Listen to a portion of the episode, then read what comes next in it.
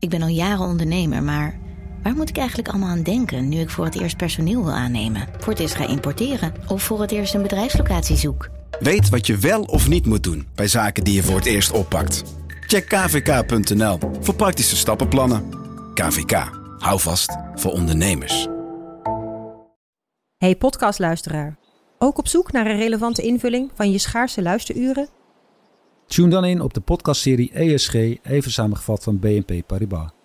Wij, Marloes en Aldert, spreken daar duurzame voorlopers en wereldverbeteraars. Waarover dan? Nou, bijvoorbeeld of we ooit duurzaam kunnen gaan vliegen. En waarom koeien in de stad nou een goed idee is? Dat en meer elke twee weken in een nieuwe aflevering. Dus abonneer je. ESG, even samengevat.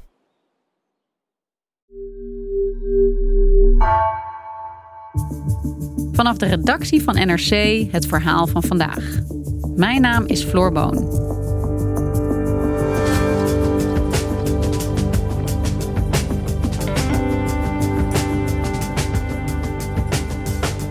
Op Prinsjesdag wordt ieder jaar bekend waar de regering geld aan uitgeeft. Bij het aantreden van het kabinet Rutte 3 bleek vooral het bedrijfsleven te profiteren.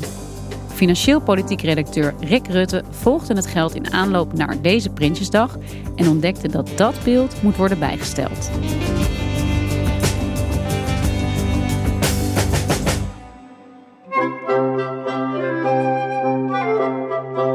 Het is de derde dinsdag van september en dus Prinsjesdag. De hoogmis van de Nederlandse politiek elk jaar. En de dag waarop de beleidsplannen en de begroting voor het komende jaar wordt gepresenteerd. Nu is een van de vaste tradities inmiddels dat al die plannen van tevoren al zijn uitgelekt, ook naar onze krant.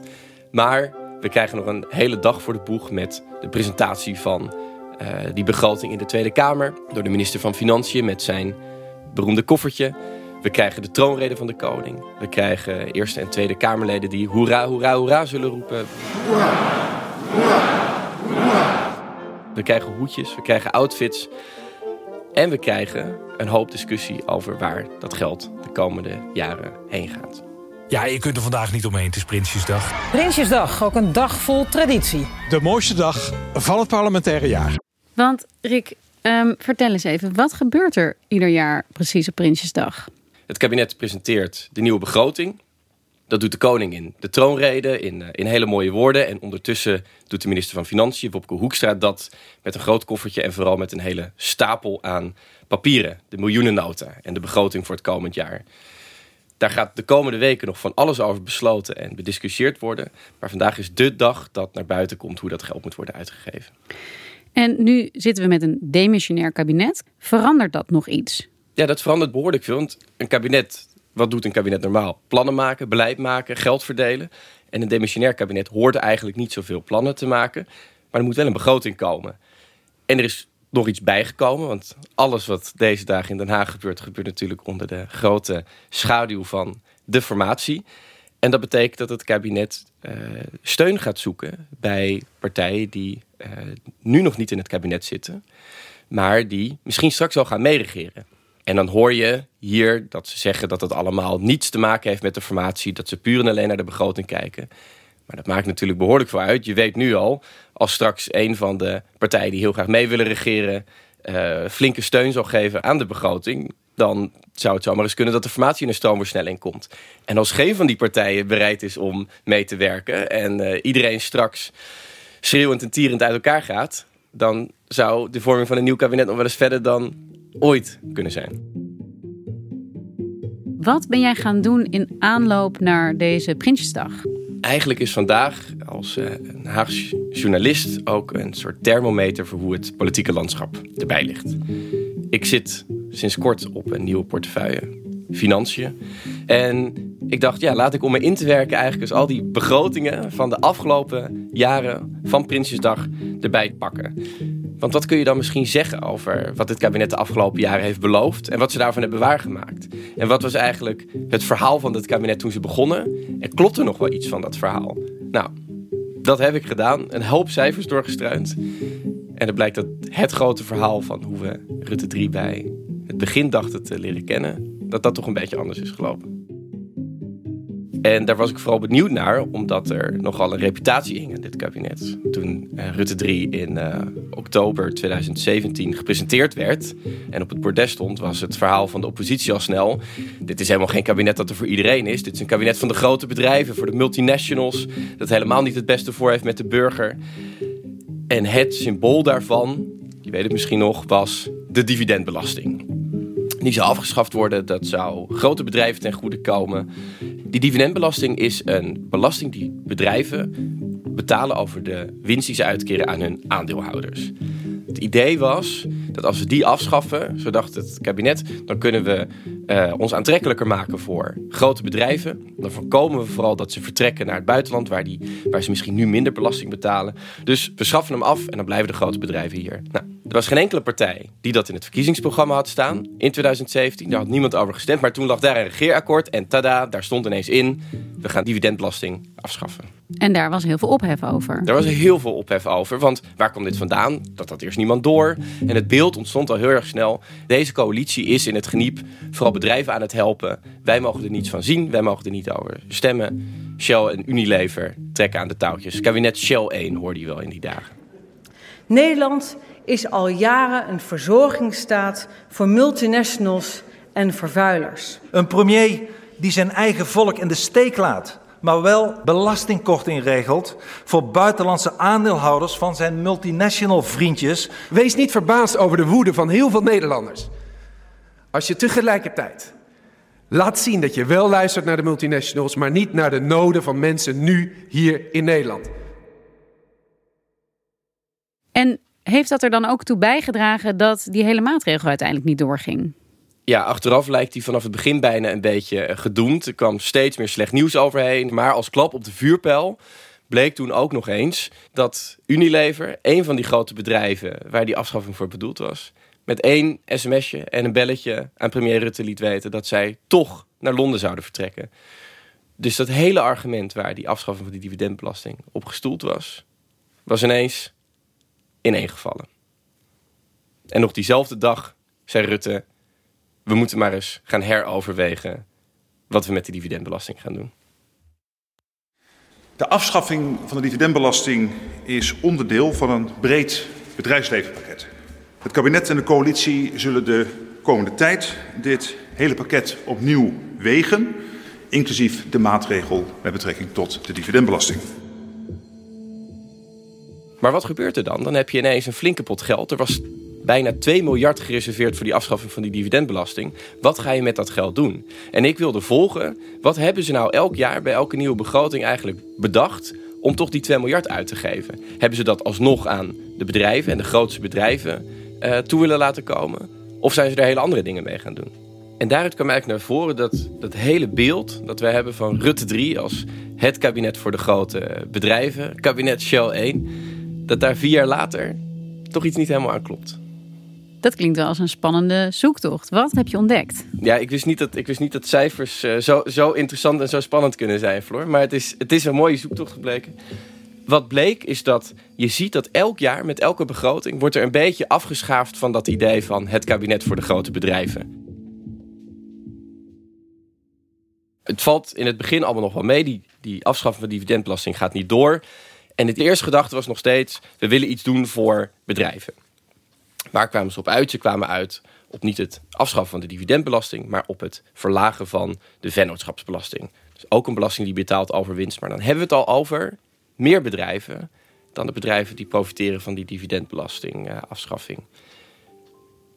En dan begint er iets te keren. Want je ziet dat bij eigenlijk alle partijen dat er een beetje moeheid optreedt over die, over die multinationals en over die grote bedrijven. Die bedrijven die altijd zijn, zijn gepresenteerd als uh, een soort trots van Nederland, waarvoor je alles voor over moet hebben om die in Nederland te hebben of naar Nederland te halen.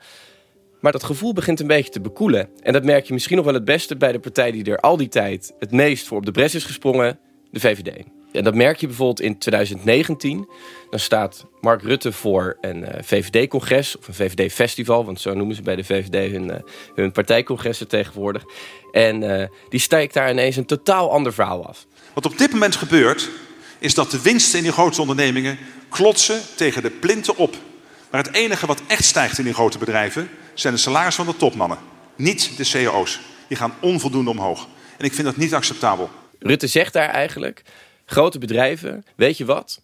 Als jullie niet iets gaan doen aan die lonen, als jullie die niet snel omhoog schroeven, dan laten wij die vennootschapsbelasting gewoon met rust. Dan krijgen jullie van ons helemaal geen voordeeltje meer straffe taal voor iemand die een paar jaar daarvoor nog uh, het stond op te nemen voor bedrijven. En heeft verteld dat hij tot zijn diepste vezels vond dat die dividendbelasting moest worden afgeschaft. Want die bedrijven waren zo belangrijk. Dus die partij die altijd zich heel erg nadrukkelijk heeft ingezet als partij van de grote bedrijven en van het bedrijfsleven, die begint daar een beetje afstand van te nemen ja, als je zo'n speech hoort, dan als politiek journalist ga je je altijd afvragen: hè, gaat dit nou echt, hè, menen ze dit nou of is dit een, uh, een praatje voor de vaak?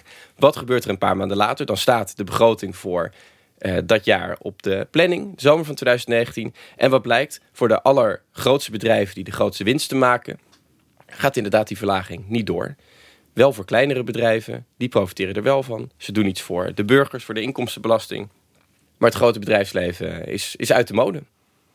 En bleef dat in de jaren die volgden? Bleef dat geld weg bij de grote bedrijven? Nou, vanaf dat moment wordt het eigenlijk een soort circus van, van toevalligheden.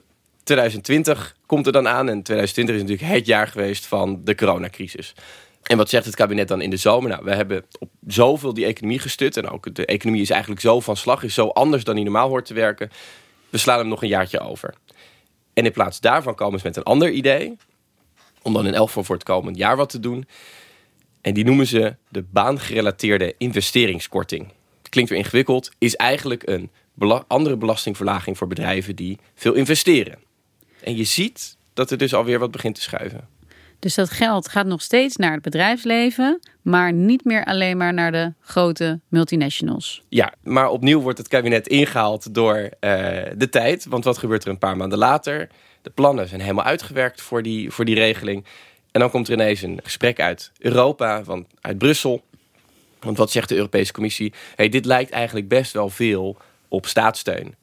Inmiddels hebben ze besloten die hele bik te schrappen. Want dat zou ons wel eens in de problemen kunnen brengen met Europese regelgeving.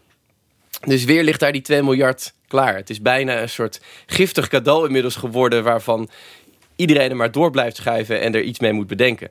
Er is dus een hele pot geld, 2 miljard euro, die ligt te wachten op een bestemming. Zien we daar dan nu dit jaar in de Prinsjesdagstukken wel iets in terug? Ja, en het wordt uh, nog iets gekker, want we zitten in 2021. Er zit een kabinet, maar dat kabinet is demissionair. Het regeerakkoord zit erop. En dat betekent ook dat eigenlijk alle afspraken over de begroting die er normaal gelden van tafel zijn. Dus inmiddels kun je ook zeggen, weet je wat, we gaan het geld niet in een belastingverlaging steken we kunnen er ook leuke dingen van doen. We kunnen uh, cadeautjes geven aan die groep of aan die groep. En de afgelopen maanden, je hoorde dat de afgelopen weken al uitlekken, kwam het ene na het andere cadeautje naar buiten. En dat blijkt bijna allemaal te komen uit dat potje voor die grote bedrijven. Een voorbeeld. Er gaat 80 miljoen naar defensie voor munitie. Voor veteranen, voor extra trainingen. Uh, er gaat geld naar extra beveiliging en bewaking voor bedreigde personen na de moord op Peter R. de Vries en de moord op Dirk Wiersum. We hebben geld erbij gekregen voor huurders. We hebben geld erbij gekregen voor uh, mensen die er in koopkracht op dreigen achteruit te gaan. Dus voor al die groepen is ineens een extra beetje geld beschikbaar.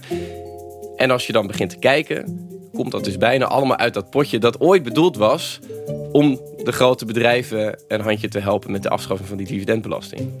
Dus door het spoor te volgen van deze dividendbelasting, deze niet afgeschafte belasting, waardoor er ieder jaar eigenlijk toch weer 2 miljard euro te besteden was, kwam jij erachter dat niet de grote bedrijven daarvan profiteren, maar eigenlijk gewoon de maatschappij. Ja. En wat zegt dit over hoe de regerende partijen denken over het bedrijfsleven? Ja, het is, het is eigenlijk een hele mooie, eh, bijna filosofische vraag, uh, denk ik. Wat, wat zou je doen met 2 miljard? Want het antwoord op die vraag, wat zou je doen met dat geld? Dat zegt heel veel over waar jouw prioriteiten liggen.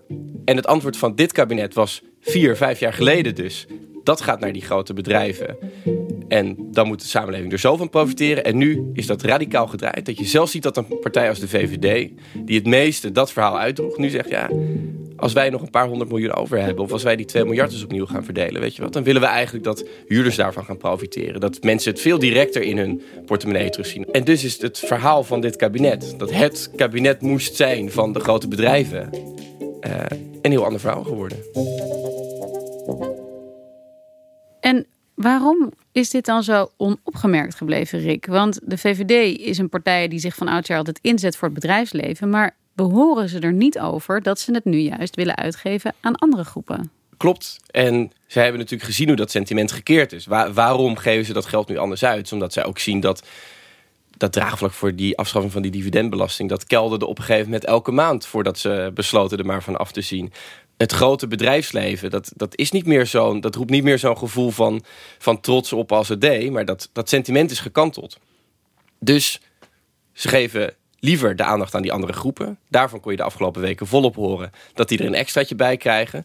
Alleen, dat betekent niet dat de VVD heel graag een verhaal zal vertellen dat dat geld van de grote bedrijven komt. Dus dat zullen ze niet zo snel verspreiden. En wat vertelt ons dit over de vorming van een volgend kabinet? Met de VVD als grootste partij. Kunnen we dan nu ook verwachten dat zij zich misschien weer wat minder sterk zullen maken voor dat bedrijfsleven als dat ze eerder deden? Ik ben heel benieuwd. Maar wat ik denk dat we gaan zien is dat uh, de VVD niet helemaal van uh, haar geloof is gevallen. Maar eigenlijk zoekt naar manieren die beter passen bij deze tijd. Want wat is het grote thema van Den Haag de komende jaren? Wat hangt helemaal boven die formatie? Dat is de klimaatopgave.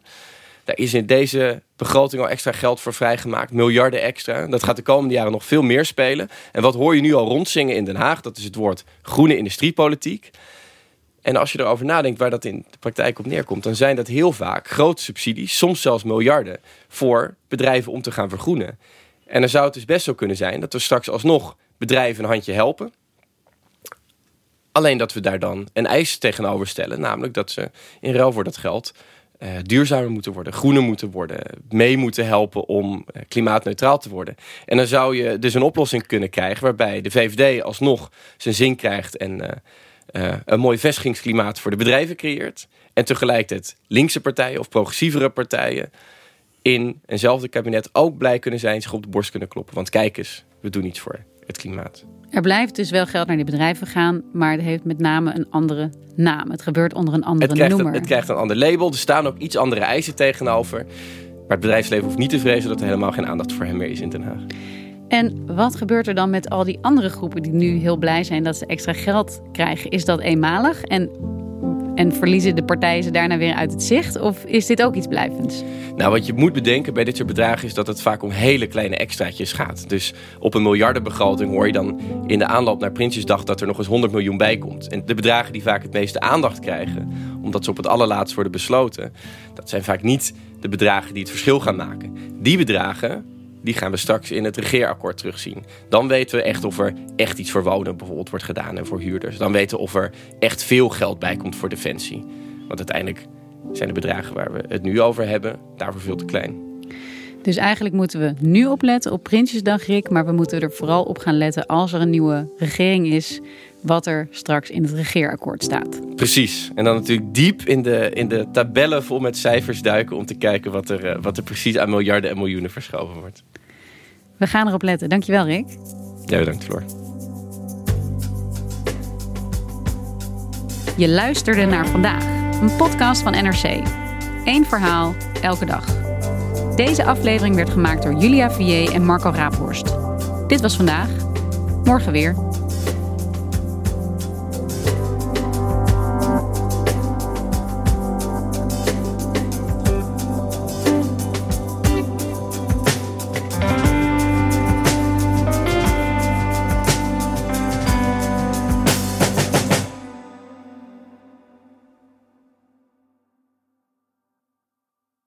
Technologie lijkt tegenwoordig het antwoord op iedere uitdaging. Bij PwC zien we dit anders. Als we de potentie van technologie willen benutten, kunnen we niet zonder een menselijk perspectief. Human-led, tech-powered noemen we dat. Ga naar pwc.nl.